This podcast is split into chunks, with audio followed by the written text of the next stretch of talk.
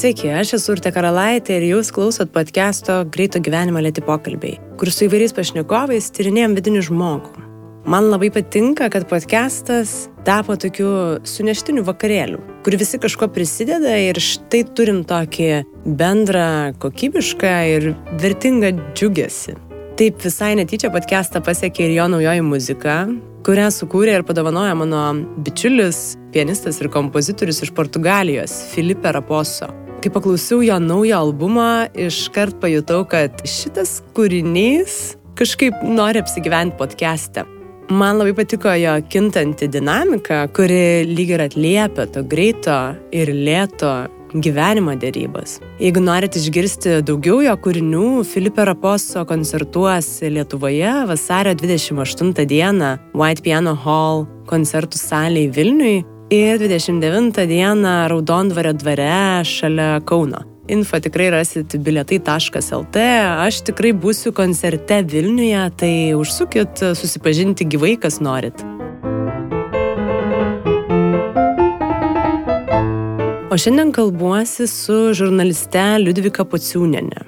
Nors Liudvika drąsos etiketės lyg ir baidosi, visgi man ji yra drąsos, atkaklumo ir tikėjimo pavyzdys. Su Liudvika susipažinau prieš keletą metų visai atsitiktinai vieno choro stovykloje ir sėdėjom ryte ant suolo už bažnyčios, kalbėjomės ir aš galvojau, oho, aš šitą žmogų labai norėčiau pakalbinti. Tik tada nebuvo nei jokio podcast'o, nei tuo labiau vidinės drąsos tai minčiai iš vis leisti vystytis. Tai džiaugiuosi, kad šiandien esu visiškai kitokioj vidiniai būsenoj ir štai mes kalbamės. Kalbam apie laisvę, kritiką, įsitikinimus, abejonės, netekti, neteisybę ir nepailstantį tikėjimą. Man atrodo, panašaus tikėjimo netrūksta ir podcast'o Patreon remėjams kurie prie to suneštinio podcast'o vakarėlio be ne daugiausiai ir prisideda. Man labai žavu dar ir tai, kad aplink podcastą taip natūraliai susibūrė tikrai įdomių, vertingų, labai labai skirtingų ir samoningų žmonių bendruomenė. Ir kartais pagalvoju, kad jeigu ne podcastas, gal iš vis nebūčiau sužinojus ar sutikusi tokius žmonės. Nors jie ir išsibarstė po visą pasaulį, mūsų slaptojai Facebook grupiai mes pasitarėm, diskutuojam, dalinamės idėjomis, kokius pašnekovus kviesti į pokalbius. Ir šį kartą prie mūsų bendruomenės prisijungė Agne Klimašauskaitė, Gediminas Daukša ir Gedrė. Jei norit ir jūs prisijungti, visada galit prisidėti prie podcast'o gyvavimo, kas mėnesinė simbolinė suma patreon.com pasvirasis brūkšnys lėti pokalbiai. Podcast'o kūrimą taip pat dalinai finansuoja Spaudos, radio ir televizijos remimo fondas bei Benedikto Gylio fondas pokalbių garso kokybė jau visus metus rūpinasi garso reklamos studija Drop Audio. Podcastas rašytas Vilniaus universiteto radio stoties Start FM studijoje, kurios gali klausyti Vilniuje FM dažniu 94,2 arba internete startfm.lt. Man niekada nepabosta dėkoti. Ačiū visiems, kurie prisidedat, kad galim kalbėtis, o dar svarbiau iš tiesų klausytis vertingų pokalbių ir minčių. Tai paklausykim šį kartą Liudvikos minčių.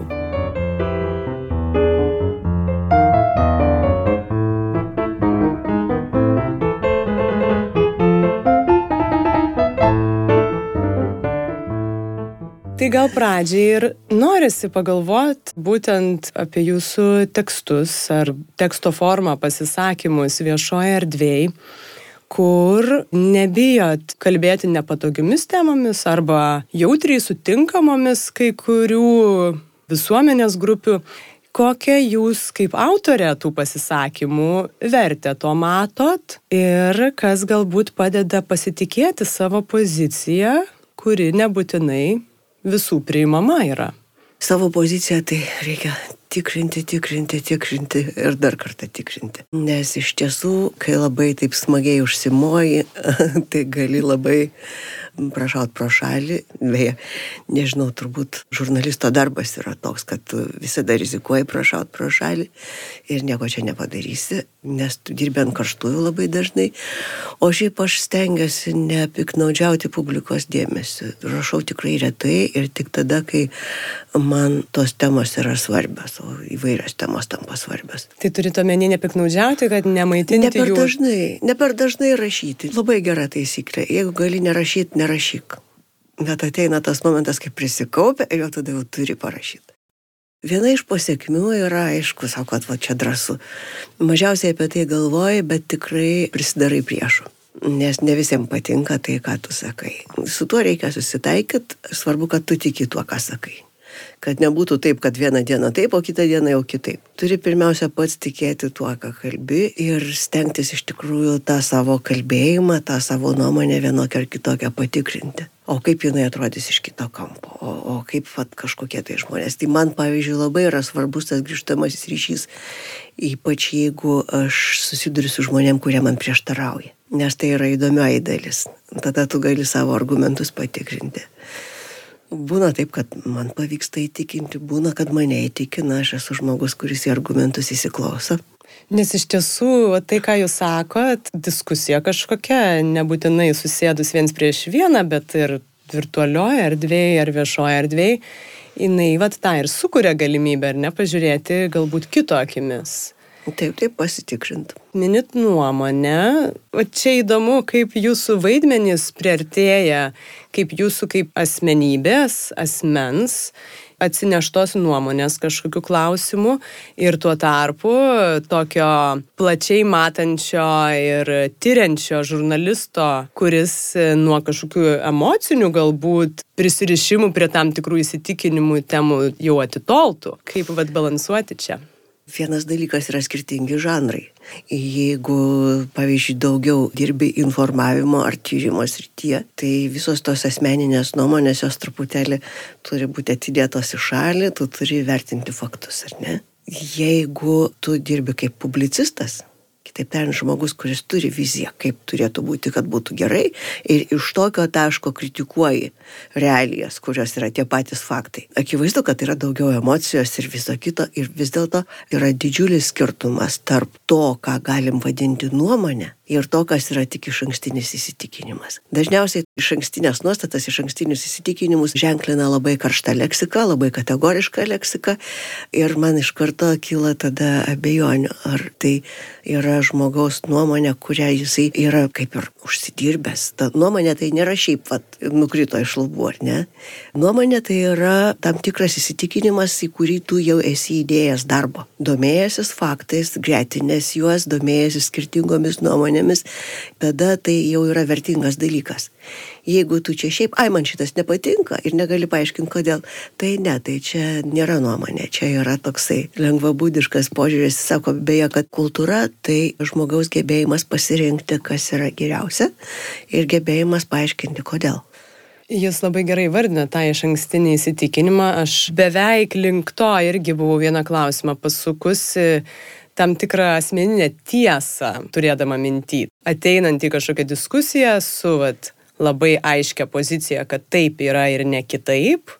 Ir kaip jūs sako, tada va, ta skirtis įdomi yra, kad nuomonė turbūt jai reikia laiko, pločio, jau pasižiūrėjimo iš visų pusių ir jūs sakote ir kitų nuomonių išgirdimo ir turbūt į savo krepšelį susidėjimo. Ir gilę. Taip. Nes kai tu gauni apšvietimą iš visų pusių, tai tu jau dabar maždaug žinai, kas tai per daiktas ir tada tu gali jį gilintis.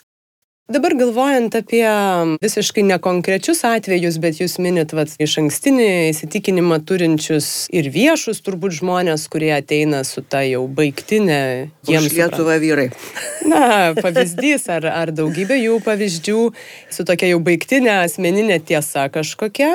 Tai galvojant, vat, kaip būtų galima tokias situacijas kažkaip judinti ir kreipti ir keisti, mes kaip ir suprantam, kad kito žmogaus tokio įsitikinimo Mes nepakeisim. Kuo aš daugiau kartosiu jums, kad yra vienaip, jūsų įsitikinimas tuo tvirties galbūt. Kaip jūs įsivaizduojat, kokiu būdu galėtų tam tikras visuomenės švietimas vykti? Aš manau, kad jeigu tu kalsi į kaktą vis tą patį, tiesiog atsiranda atmetimo reakcija ir viskas. Iš esmės, vienintelė galimybė atsikratyti stereotipų yra klausti. Ir labai gerai, jeigu atsiranda interesas klausti ir iš tiesų tu turi klausimų savo oponentui, tai gali visai baigtis. Jis be atsakinėdamas į tavo klausimus gali gerokai atsitraukti nuo, nuo savo pozicijos. Lygiai taip pat, jeigu man oponentas užduoda klausimus, Ir staiga vienas iš tų klausimų yra toksai, kad aš sudvėjoju, nežinau kaip į jį atsakyti. Tai va čia yra gyvo mąstymo online, brangios akimirkos tikrai. Bet tai, ką jūs sakote, tas momentas, kai sudvėjojat ir nežinot, ką atsakyti, išmuša saugumo kažkokią tai pagrindą. E, ne tai, kad išmuša saugumo pagrindą iš pokojų, kaip tik turbūt atvirkščiai. Tai, kad aš nesu įsikibus aklai į kažkokią nuostatą, reiškia, kad esu gyva kad aš girdžiu kitą žmogų, kuris abejoja mano įsitikinimu. Tokiu būdu užsimesga dialogas, tik tai šitai. Na, aš tą saugumą miniu galvodama, žmonės įsikibę tų asmeninių griežtų įsitikinimų. Aš įsivaizduoju, jie jaučiasi mhm. saugiau. Jeigu aš manau, kad tai yra balta ir balta ir tiek, tai man yra ir paprasčiau, ir saugiau, ir aš nenoriu gal švaistyti nei savo resursų, nei laiko pergalvojant fundamentaliai nuo nulio pradėjus. Tai dėl, dėl ko va, tos visos dviejonės, abejonės jūsų pozicija? Dviejonės niekada nepaliečia šaknų. Visa esmė ir yra ta, kad kai tu turi jau tikrai pagristą nuomonę, pagristą įsitikinimą, jisai nėra kažkur tai ten paviršiuose. Jis, reiškia, giliai eina ir turi rimtas tvirtas šaknis. Tas su, sudvėjojimas kažkokioj tai vietoj dialogo, jis tų šaknų neišjudina. Ta prasme, jautiesi vis tiek pakankamai saugiai, nežiūrint, kad kažkur tai tavo nuomonė gali niuansuose keistis. Panašu, kad savo darbe, vat, būtent publicistikoje, tekstuose, jūs akilai ir stebit, ir tada jau giliai kapstotės kažkokiose situacijose. Įdomu, kaip toks gebėjimas akiliau, detaliau, smulkmeniškiau galbūt pažiūrėti atidžiau į situacijas ir galbūt į save padeda arba kenkia jum pačiai nežinau, kasdieniuose žingsniuose savo. Jeigu neabejotum savim ir, ir būtum visą laiką labai savim pasitikintis ir patenkintas, neauktum. Aš dabar kaip pasižiūriu, kokią 20 metų atgal, vien tai, ką aš tada rašiau, kalbėjau, rodžiau žiūrovams, kartais yra taip naivu. Kartais supranti, kad galima sugriauti ten tą visą reiškia struktūrą, kuri, na, lik ir tada atrodė visai solidi, viskas gerai, ten koks nors laidos fragmentas, ar ne. Ar pasižiūri, galvoju, viešpatie, būtų galima perdaryti. Nes jau su kita patirtim žiūri į tai. Bet be abejo, jeigu būtų galima perdaryti ir viską tobulai. E, ne, tai aš dėl to geriau nežiūriu savo senų laidų, man taip ramiau. Na, laiko perspektyvai nežinau, kaip jums žiūrinti naivų save ir amžiaus ir brandos klausimų. Turbūt atlaidžiau žiūriu. Aš nekalbu jau apie komentarus radio centre, ašgi savaitės komentarus penkių minučių darydavau. Ah, ko ten priešnekėta. Ko ten priešnekėta? Tai radiją neketinat greitų metų grįžti su komentarais? Oi, ne. Vienas dalykas, kad radijoje ir televizijoje turi būti tam tikras periodiškumas. Ir mano amžiai jau tai yra sunku jauni žmonės, jie kažkaip disciplinuojasi, jie į tą ritmą lengviau įeina, o man dabar reikia vis ilgiau pamastyti.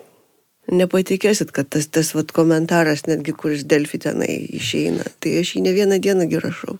Nėra taip, kad prisėdi prie kompo ir viskas. Kelias naktis nemėgi dėlioji, dėlioji, dėlioji, paskui jau nebūtinai čia su amžium ar su kažkokia skirtim šiuo klausimu gal siečiau, nes pamastyti ir leisti duoti tam laiko, manau, kad visiems į naudą būtų, bet kurioj srity. Tik dabar gal mūsų tempas ar poreikiai, ambicijos to neleidžia ir klausimas, kiek kokybės tame greityje. Tai aš va dėl to ir džiaugiuosi, kad pradėjau dirbti kinui tas vaižganto projektas taip kažkaip tai pavyko. Ir buvo nuostabiausias turbūt dalykas, kad laiko komfortas buvo. At tiek laiko, kiek man reikėjo, aš ir turėjau. Ir galėjau braukyti, perrašinėti dešimt kartų epizodus ir niekas man ant, ant galvos nestovėjo ir jis pranda nekvepavo. Ar nėra tuomet rizikos perrašinėti tūkstantį vieną kartą ir niekada nepabaigti? Nežinokit, yra, yra momentas, kai tu supranti, kad jau. Čia pajautimas, ar, ar čia visgi yra? Pajautimas yra toksai pasakymas, kai scenarius jau pradeda rašyti pats save. Tai tada supranti, kad jau rezervuaras yra pripildytas, ten nieko netrūksta, dabar tik reikia organizuoti viską.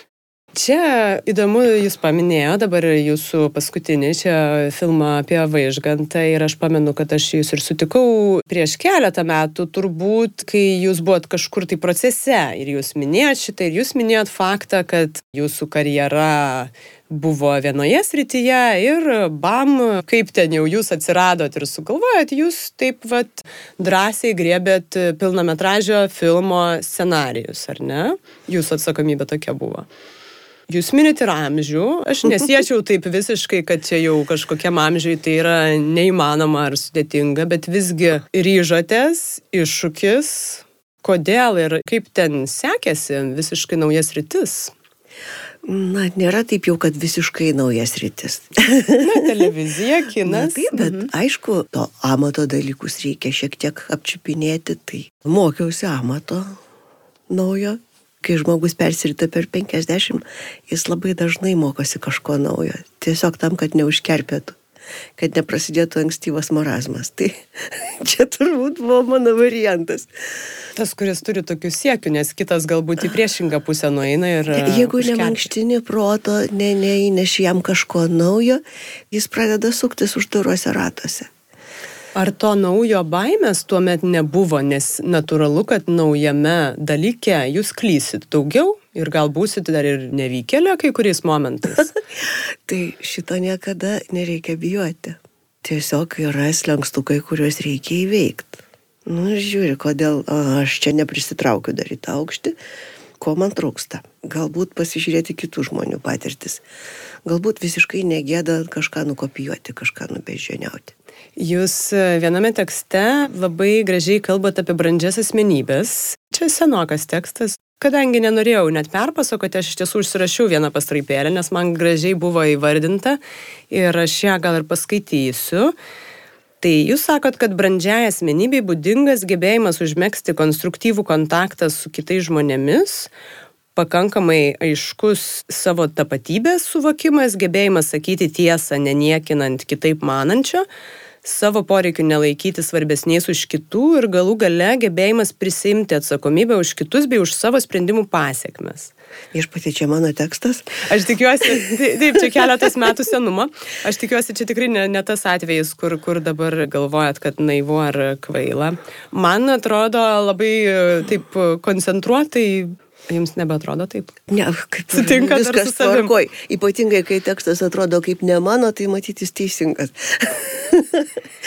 tai vad, galvojant apie brandžius žmonės, galima pastebėti ir nesijant su konkrečiu amžiumi. Ir garbaus amžiaus žmonės nebūtinai turi vat, visas čia paminėtas savybės jūsų. Tikrai ne. Ir viena iš priežasčių turbūt yra tai, kad vartotojiška civilizacija neskatina subręsti skatina vis daugiau vartoti, vilioja, kad negalėtum pats pasirinkti, veikia per tavo emocijas, trukdo reflektuoti, neduoda tam laiko. Jaunas žmogus yra iš tikrųjų tasomas pagundų į visus šonus ir aš įsivaizduoju, kaip jaunam žmogui šiandien yra sunku ir niekas, niekas, niekas neskatina jo subręsti. Nes jeigu tu pradedi elgtis kaip brandus žmogus arba sieki brandos, tu daugybei aplinkos tokių terpių daraisi nepatogus. Noras tave išspjauti, ar tu keistuolis kažkoks. Iš tikrųjų, brandus žmogus šiandien labiau atrodo kaip keistuolis. Čia, e, ką jūs minite apie vartojimą, tai turbūt iš tiesų va, tas gebėjimas ar nepriimti sprendimus. Taip, o šiandien turim sudėtingą ekologinę situaciją jau. Turim daugybę tos vartotojiškos civilizacijos pasiekmių, su kuriuom reikia kažkaip tvarkytis. Koks motyvas apriboti savo vartojimą, pavyzdžiui, žmogui šiandien yra? Šiandien, kai nežiūri į tai, rytoj. Tai pagalvokim netgi apie tokį dalyką, reiškia, kad gamintojams nėra motyvo gaminti patikimus daiktus, kuriuos apsimokėtų remontuoti. Ir mes gausinam šiukšlių krūvas. Ir nemanykim, kad už tą pigę kinišką produkciją nesumokam savo kainos. Šiaip ar taip dabar čia visi apie aplinkos taršą, apie apsiribojimus, apie visą kitą. Kinijoje niekas nesvarsto apie aplinkos taršą. Šitą turim turėti omeny. Ir tai, kad žmonės gyvena pusbadžiu, daro juos pažeidžiamus va štai tokiem viruso protrukiams. Tai, kad tie žmonės yra išnaudojami, kad nesiskaitoma su gamtos auga, kad teršiama yra taip, kad mes čia galim vakaruose labai gražiai, mandagiai susitarinėti, kad mes ten pereinam prie žaliosios energetikos ar dar kažko, kas galbūt šiuo momentu atrodo brangu, bet vis tiek perspektyvų turbūt. Tai Kinijoje, o kam? Auga šiukšlių krūvos ir auga. Na, nelabai seniai mes turbūt ir čia to pastebėdavom. Tai tas samoningumas netaip seniai prasidėjo, kalbant apie šias temas. Ir... Bet tai va, ką reiškia populiarėjanti atsakinga žmogaus laikysena. Čia kiekvieno individualus pasirinkimas. Į tą reikėjo investuoti, tą reikėjo kažkokią tai brandą paskatinti žmonių. Bet vis tiek mainstreamas tai yra kitas, brandos niekas neskatina. Iš tikrųjų, vaikas baigiantis mokyklą turi parodyti gerus rezultatus egzaminų, bet apie tai, kaip jis susiformavo kaip asmenybė, niekam nerūpi. Ir vėliau niekam nerūpi. Tai vėliau. E, retai kompanijai turbūt, na, nesinori kategorizuoti, bet iš esmės tą, ką jūs ir sakot, kad plačiai samoningai žiūrintis žmogus, jis nebūtinai reikalingas yra. Ir nebūtinai... dažnu atveju tampa kliuviniu ir man atrodo netgi, kad pačios visuomenės brandumas. Tai ar šalyje yra gera gyventi, ar yra žmoniškos sąlygos. Labai iš tikrųjų priklauso nuo to, kiek žmonės, nesvarbu kokiam socialiniam sluoksniui priklausytų, yra socialiai atsakingi. Ir tai jau brandos laiptelis, pats tas pirmasis. O toliau, kada jau žmogus įmasi atsakomybės už kitus, Na, mes ir turimgi politikoje dabar tą tokią krizinę situaciją, kai iš tiesų valdžia turi žmonės, kurie jokios atsakomybės už kitus neturi. Jie ten galą, žinai, ten numatosi baltai siūlai siūtos tos intrigos. Gerai, kad yra tam tikra gera inercija nacionalinių susitarimų plane ir tie dalykai vis dėlto mes sovietmečių sakydavom, nepaisant visų valdžios nesąmonių, geri dalykai vis tiek stumėsi į priekį. Kaip jūs ir tam... visuomenė vis tiek kūrė. Ir kažkokiu tai būdu ne viskas pasidaro taip blogai, kaip galėtų būti. Tai kaip jūs dabar čia jaučiatės? Vat sako taip, ar Lietuvoje gera gyventi ir kaip jums čia dabar yra? Vat minit ir kažkokias tai nekokias peripetijas? Tai šiaip demokratija nuo Monteskie laikų. Jau čia aksioma yra, kad demokratija laikosi ant darybių. Tai kaip su tom darybėm, kai trūksta paprasčiausio padarumo? Kai žmogus gali meluoti, visiškai žiūrėdamas į akis, na tai yra, yra kažkas tokio. O šiaip, jeigu pasižiūrėtumėm iš tiesų, kaip su tom darybėm Lietuvoje yra, tai mano galva yra deficitas bent jau trijų, kurios labai stipriai susijęs su laimės indeksu. Tai yra pasitikėjimas, žmogaus pasitikėjimas savo jėgomis, pasitikėjimas tarp žmonių, pasitikėjimas savo valstybę ir valstybės institucijų pasitikėjimas piliečiais, o nelaikimas jų nusikalteliais. Kitaip tariant, kada žmonės jaučiasi nesvetimi, nepriešiški vieni kitiems, o priklausomi vieni nuo kitų ir atsakingi vieni už kitus.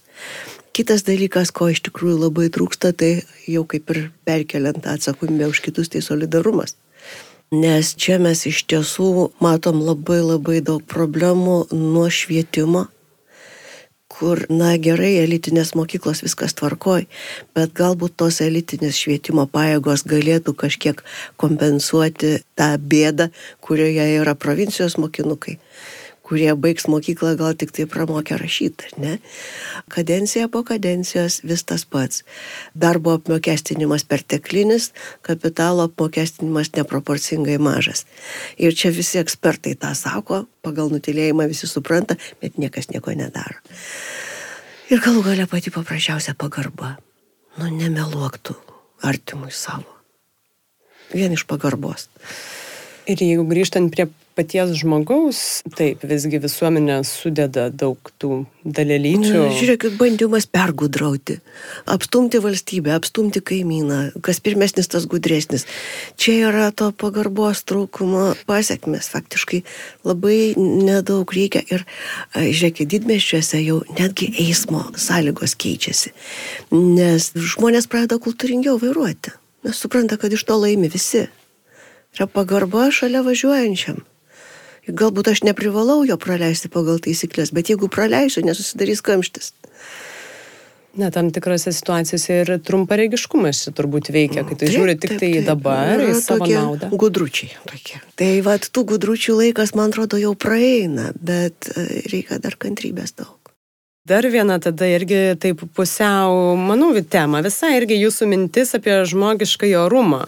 Jūs sakot, kad žmogiškasis orumas priklauso pirmiausia nuo paties žmogaus ir nuo jo išsiugdyto charakterio, O jis išsiugdamas pirmiausia kryptingomis valios pastangomis, kai pašalinami egoizmo sluoksniai. Čia aš dabar prisimenu, jūs ten labai gražiai iliustruojat gipsinės kultūros kūrimo procesą, kai yra šlifuojama, šlifuojama, šlifuojama ir lieka tas grinuolis galbūt, kas būtume mes, mūsų charakteris.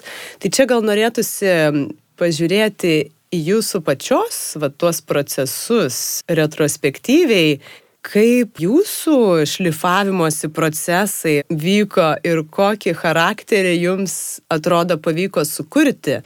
Labai sunku pačiam kalbėti čia, kas nors iš aplinkos galėtų ką nors pasakyti, bet man atrodo, kad aš labai didelę jaunystės dalį buvau gana paviršutiniška. Ir tas paviršutiniškumas turbūt buvo toksai, viena vertus, galbūt toksai paviršutiniškas žiūrėjimas į lavinimąsi, į pripildymą savo rezervuarų, kaip aš sakau, vertingais dalykais. Ai, kartais nueini lengvos pramogos kokiu keliu ryškia. Nu ką, nu smagu pasižiūrėti kokį ten serialą. Ne visiškai smagu paskaityti detektyvą, nebūtinai kokią nors rimtą knygą negali ištisai ten filosofijos veikalais apsikrovęs sėdėti ar ne. Paskui kažkur tai atsiranda momentas, kai tu jau pradedi suvokti, kad vieni dalykai yra vertingesni už kitus, nes jie turi daug sluoksnių. Ir kai tu pradedi tuos sluoksnius lūkštenti, atsiranda įgūdžiai, atsiranda kažkoks tai gebėjimas reflektuoti. Tai vad taip su tuo gyvenimu yra. Nu, kartais gyvenimas, aišku, pametėja tokių smūgių, kad galvoju tik tai, kaip išsilaikyti ant kojų. Bet, kaip sako, jeigu tavęs neužmuša, tai sutvirtina. Jūs kalbate vat, apie tą procesą, kai pastebėdavot, kas čia vertingiau jums atrodo, tai kas šiandien jums yra vertinga? Iš tikrųjų turiu pasakyti, kad gilesnės dvasinės patirtis. Aš užaugau krikščioniškoje šeimoje ir man tai buvo nu, kasdienybė. Turbūt iki susidūrimo su tėvais jezuitais, man atrodė, kad aš visiškai nebloga krikščionė. O kai pradėjau gilintis į tą, kokio gilio tas mano dvasinis gyvenimas, tai paaiškėjo, kad kartais jis yra seklumos, kartais ten kažkokia versmelė prasimuša, bet aš niekada prie to nedirbau ir staiga man parodė, kad galima dirbti. Tai čia irgi įdomus turbūt kelias ir tobulėjimo tam tikro vėl atradimų mm, naujų. Taip. Dar norisi tuomet pažiūrėti į tą tikrai sudėtingą jūsų gyvenimo laikotarpį, kuomet netikėtai žuvo jūsų vyras tarnyboje. Kokios emocijos atėjo kartu su ta kova ieškant teisybės? Ten tikriausiai labai daug nusivylimų ir galbūt ir išdavystės ir, ir nevilties. Va čia turbūt buvo momentas, kada reikėjo pasakyti savo, tai turiu aš charakterį ar ne. Tai čia ta gipsinė skulptūra, tai kas, kas ten tas tai kur tas mano charakteris, jeigu aš jį turiu. Pačios tos pirmos savaitės, tai pirmie mėnesiai buvo iš tikrųjų tik tai toks siaubas ir sunku išstovėti ant kojų. Bet kai mane atvirai pradėjo gazdinti, kad tylėčiau, kad nesikapstyčiau, visą kitą, tada aš supratau, nu jau, at, šito tai nebus. Jeigu šitaip, reiškia, aš tikrai žinau, ką turiu daryti ir pirmin. tai, Galima sakyti, tai net padėjo jums tai, kaip rasti. Taip, ne, kai mane pradeda gazdinti, tai žinokit, aš tada suprantu, kad aš turiu dėl ko kovoti. Negaliu sakyti, kad per visą tą maratoną labai pavyko daug pasiekti, bet vis dėlto tris kartus atnaujinam bylą. Kiekvieną kartą tyrimas ėjo giliau, kol pagaliau buvo padaryta tai, kas turėjo būti padaryta iš pat pradžių, tai yra tardymo eksperimentai. Tai čia tikrai prokuroras Urbelis atliko pagaliau darbą, kurio neatliko jo kolegos. Ir tai, kad byla yra uždaryta kaip nužudimo byla, o ne kaip nelaimingo atsitikimo, manau, ir buvo tai, ką turint tiek duomenų, kiek mes turėjom, galima buvo pasiekti. Visgi galvojant apie netekties išgyvenimą, jum kaip žmogui jau krūvio pakankamai daug buvo. Tačiau šalia to jūs dar radot ir, na, jūs minit, kas motivavo iš dalies ir, ir gazdinimai, ar ne? Spausti ir telktis ir ieškoti atsakymų ir tai vyko tris metus, ar ne? Tai... Ir taip, ir, ir dar vienas dalykas, kuris labai motivavo, tai iš tikrųjų va, tas solidarumas kai kurių žmonių, kuris mane apskritai nustebino, nes nei atrodė, kad jie man draugai, nei ką. Na, jūs buvote ne viena šitoje situacijoje. Aš tikrai buvau ne viena, aš jau nekalbu apie vaikus, tėvus, draugus, kurie labai palaikė iš tikrųjų. Ir čia įdomu, kaip visgi per tokį kalnuotą procesą ir, ir diskusiją su valstybė ir institucijomis, kaip pasikeitė galbūt jūsų santykis su tikėjimu Lietuva. Ha, čia irgi, kadangi visą laiką sukiesi žiniasklaidos terpėje ir per vieną paminėjimą žūties metinių, prie manęs prisistatė Pervi Baltyski korespondentas ir uždavė tokius klausimus, į kuriuos aš turėjau atsakyti, kad aš nusivylus, čia ir prokuratūra, ir institucijų darbų ir taip toliau. Ir aš supratau, kad, na, čia yra dar vienis pastai. Jokių nusivylus, kad neidealu ten ir tuose teismuose, ir prokuratūrų, ir visko ten yra. Tai taip, bet tai yra, na, kaip augimo lygos, kaip vėjaraupiai. Jos tenka persirgti, jaunai valstybei tenka visą tai persirgti, bet po kiekvieno tokio proceso negalima nuleisti rankų. Kiekvienas toks procesas, kad nenuleidi rankų, jisai kažkiek tai sveikatina tas visas struktūras.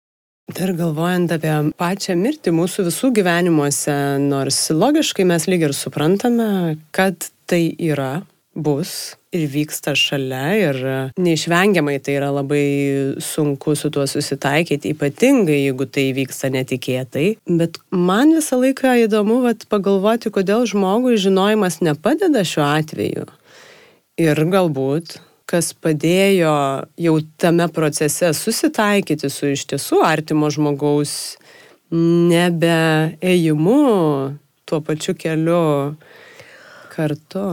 Nežinau, vienas dalykas, neina kalba apie susitaikymą, reikia tiesiog išgyventi. Ir mano galva labai blogai daro žmonės, kurie prisigeria raminančių, neišsiverkia, kada reikia išsiverkti, nes jausmai negyja be šitų dalykų. Turi praeit laikas, tuo pačiu negalima užstrikti tam tokiam juodam laikė.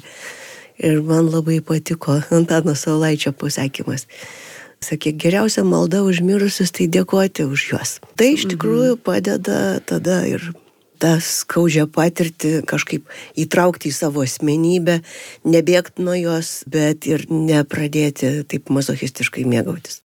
Nes iš, iš tos pusės žiūrint, tai yra mūsų rankose tas likęs gyvenimas pasikeitęs, pasukęs kitų kelių, mm. mes renkamės ar užstrikti, kaip jūs sakot, ar... Nemanau, kad žmogus taip visais atvejais gali taip pat pasirinkti labai protingai. Jausmai yra jausmai. Su jais kartais iš tikrųjų susikauti tenka tie išgyvenimai, jie ir yra dėl to išgyvenimai, kad jų negali taip pilnai racionalizuoti. Tau reikia ir kitų žmonių pagalbos, ir psichologo kartais prireikia. Ne kiekvienas žmogus iš tikrųjų savo traumą gali susitvarkyti. Ta bendra nuostata nepasiduoti ir negalvoti, kad man jau čia dabar blogiau negu visiems kitiems. Baimė. Minit kažkokius tai gazdinimus, bet su... Mhm. Baimė yra normali visiškai reakcija. Vėlgi nereikia nuo jos bėgti. Supranti, kad tu bijai visą kitą, tik tai žmonės labai skirtingai reaguoja į tą tolesnė eiga tos reakcijos. Ar tu tai baimiai pasiduodi, ar tu kažkaip randi charakterį savyje tą baimę įveikti. Jūs jau kilintą kartą minite ir mes nuo to iš tiesų ir pradėjom visgi nuo kažkokio tai atkaklumo ir drąsos. Tada ne, prieš... Negaliu sakyti, kad aš esu baisiai drąsus žmogus, ar iš tikrųjų bijau. Ko jūs bijot? Daug ko bijau. Bijau dėl artimų žmonių, pavyzdžiui. Bijau prarasti darbą. Saugumo tokie. Ai, taip, saugumo kažkokių tai tokių atramų reikia. Bet kita vertus, kuo jezuitų pratybos iš tikrųjų yra geros, tai jos išmoko daryti tą šuolį, kada esi jam subrendęs. Kokį šuolį? Šuolį pasitikėjimo linkme. Kitaip mhm. tariant, tu puikiai supranti, nu ne viskas nuo manęs priklauso. Man dar norisi pagalvoti būtent apie Vaižgantą ir jūsų mm. tas filmas paskutinis, sakot, kad jisai buvo labai laisvas žmogus. Ir dabar galvojant, na, kadangi jūs ir gyvenot ir dirbot laikmečių sandūroje ir santvarkų ir mm. matėt ir laisvą žmogų, ir nelaisvą, ir ne tik matėt, kiek tapatinate su tuo, nežinau, kas yra laisvas žmogus šiandien, kai mes visi esam laisvi, bet Bet įdomu, ar kažkokie suvaržymai lieka ir... Mm, tai laisvas žmogus nėra tas, kuris daro, ką nori. Laisvas žmogus yra tas, kuris nebijo, tas, kurio nenupirksi, tas, kuris gali išmintingai pasirinkti. Tai yra va, tas laisvas žmogus ir tokia laisvė, tai, nežinau, tave gali į kalėjimą uždaryti, tu vis tiek būsi laisvas žmogus. O jūs kaip dabar jaučiatės, ar esat laisva? A, man atrodo, kad man dar šiek tiek gal iki tokio brandaus laisvės išgyvenimo trūksta. Kaip sako, gal ir iki gyvenimo pabaigos nepasieksiu tobulybės. Jo, tom prasmėm kaip vaižgantas aš jaučiuosi laisva ir džiaugiuosi, kad artimas pasidomėjimas šitą asmenybę man tikrai daug davė. Tai Liudvika, ačiū labai, aš linkiu tos tobulybės gal ir nesiekti, bet kad jūsų laisvė stiprėtų ir e, formuotųsi. Dėkui už jūsų nuoširdumą ir, ir mintis. Ačiū.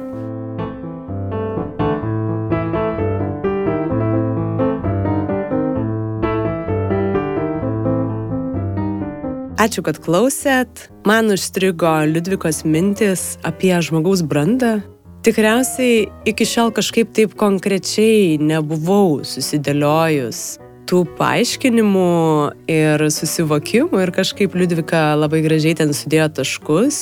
Norisi aukti, norisi gebėti daryti sprendimus, norisi gyventi laisvai, bet ne, kaip Liudvika sako, tiesiog daryti, ką nori, neatsižvelgiant, nejaučiant, nepastebint to, kas yra aplink, neprisimant atsakomybės už savo veiksmus ir aplinkos gerovę. Man kažkaip norisi šitą procesą žiūrėti kaip į tinklą kur viskas yra sujungta ir mano vienos poreikiai ir jų patenkinimas, bėgimas kažkur aklai paskui savo individualią laisvę, tikriausiai jie yra trumpalaikiški, tai nekuria vertės. Manau, kad ir podcast'o pokalbis galima pradėti žiūrėti taip, kad jie padeda bręsti tam tikrą prasme. Nes tu girdėdamas kitą, diskutuodamas, formuoji pamažu tą savo nuomonę iš gabaliukų ir formuoji save, savo tapatybę, samoningumą, atsakomybę prieš kitus. Jei podcastą užklydot pirmą kartą, kviečiu paklausyti ir kitų be galo įdomių pokalbių, kurie išeina kas antrą trečiadienį. Visus juos rasi Spotify, iTunes ir kitose programėlėse bei karalaitė.com pasvirasis brūkšnys podcastas. Taip pat podcast'o pokalbius galite girdėti radio stoties Start FM eteryje kas antrą trečiadienį 7 val. ryto. Start FM klausykit Vilniuje FM dažniu 94,2 ir startfm.lt. O naujų epizodų niekada nepraleisit, jeigu seksit podcastą Facebook ar Instagram paskiruose arba prenumeruosit į podcastų klausimosi platformose. Podcastų kūrimą dalinai finansuoja Spaudos, radio ir televizijos remimo fondas bei Benedikto Gylio fondas. Bandykim ieškoti laisvės ir brandos savyje. Su jumis podcastas Greito gyvenimo lėti pokalbiai ir kaip visada, aš Urte Karalaitė.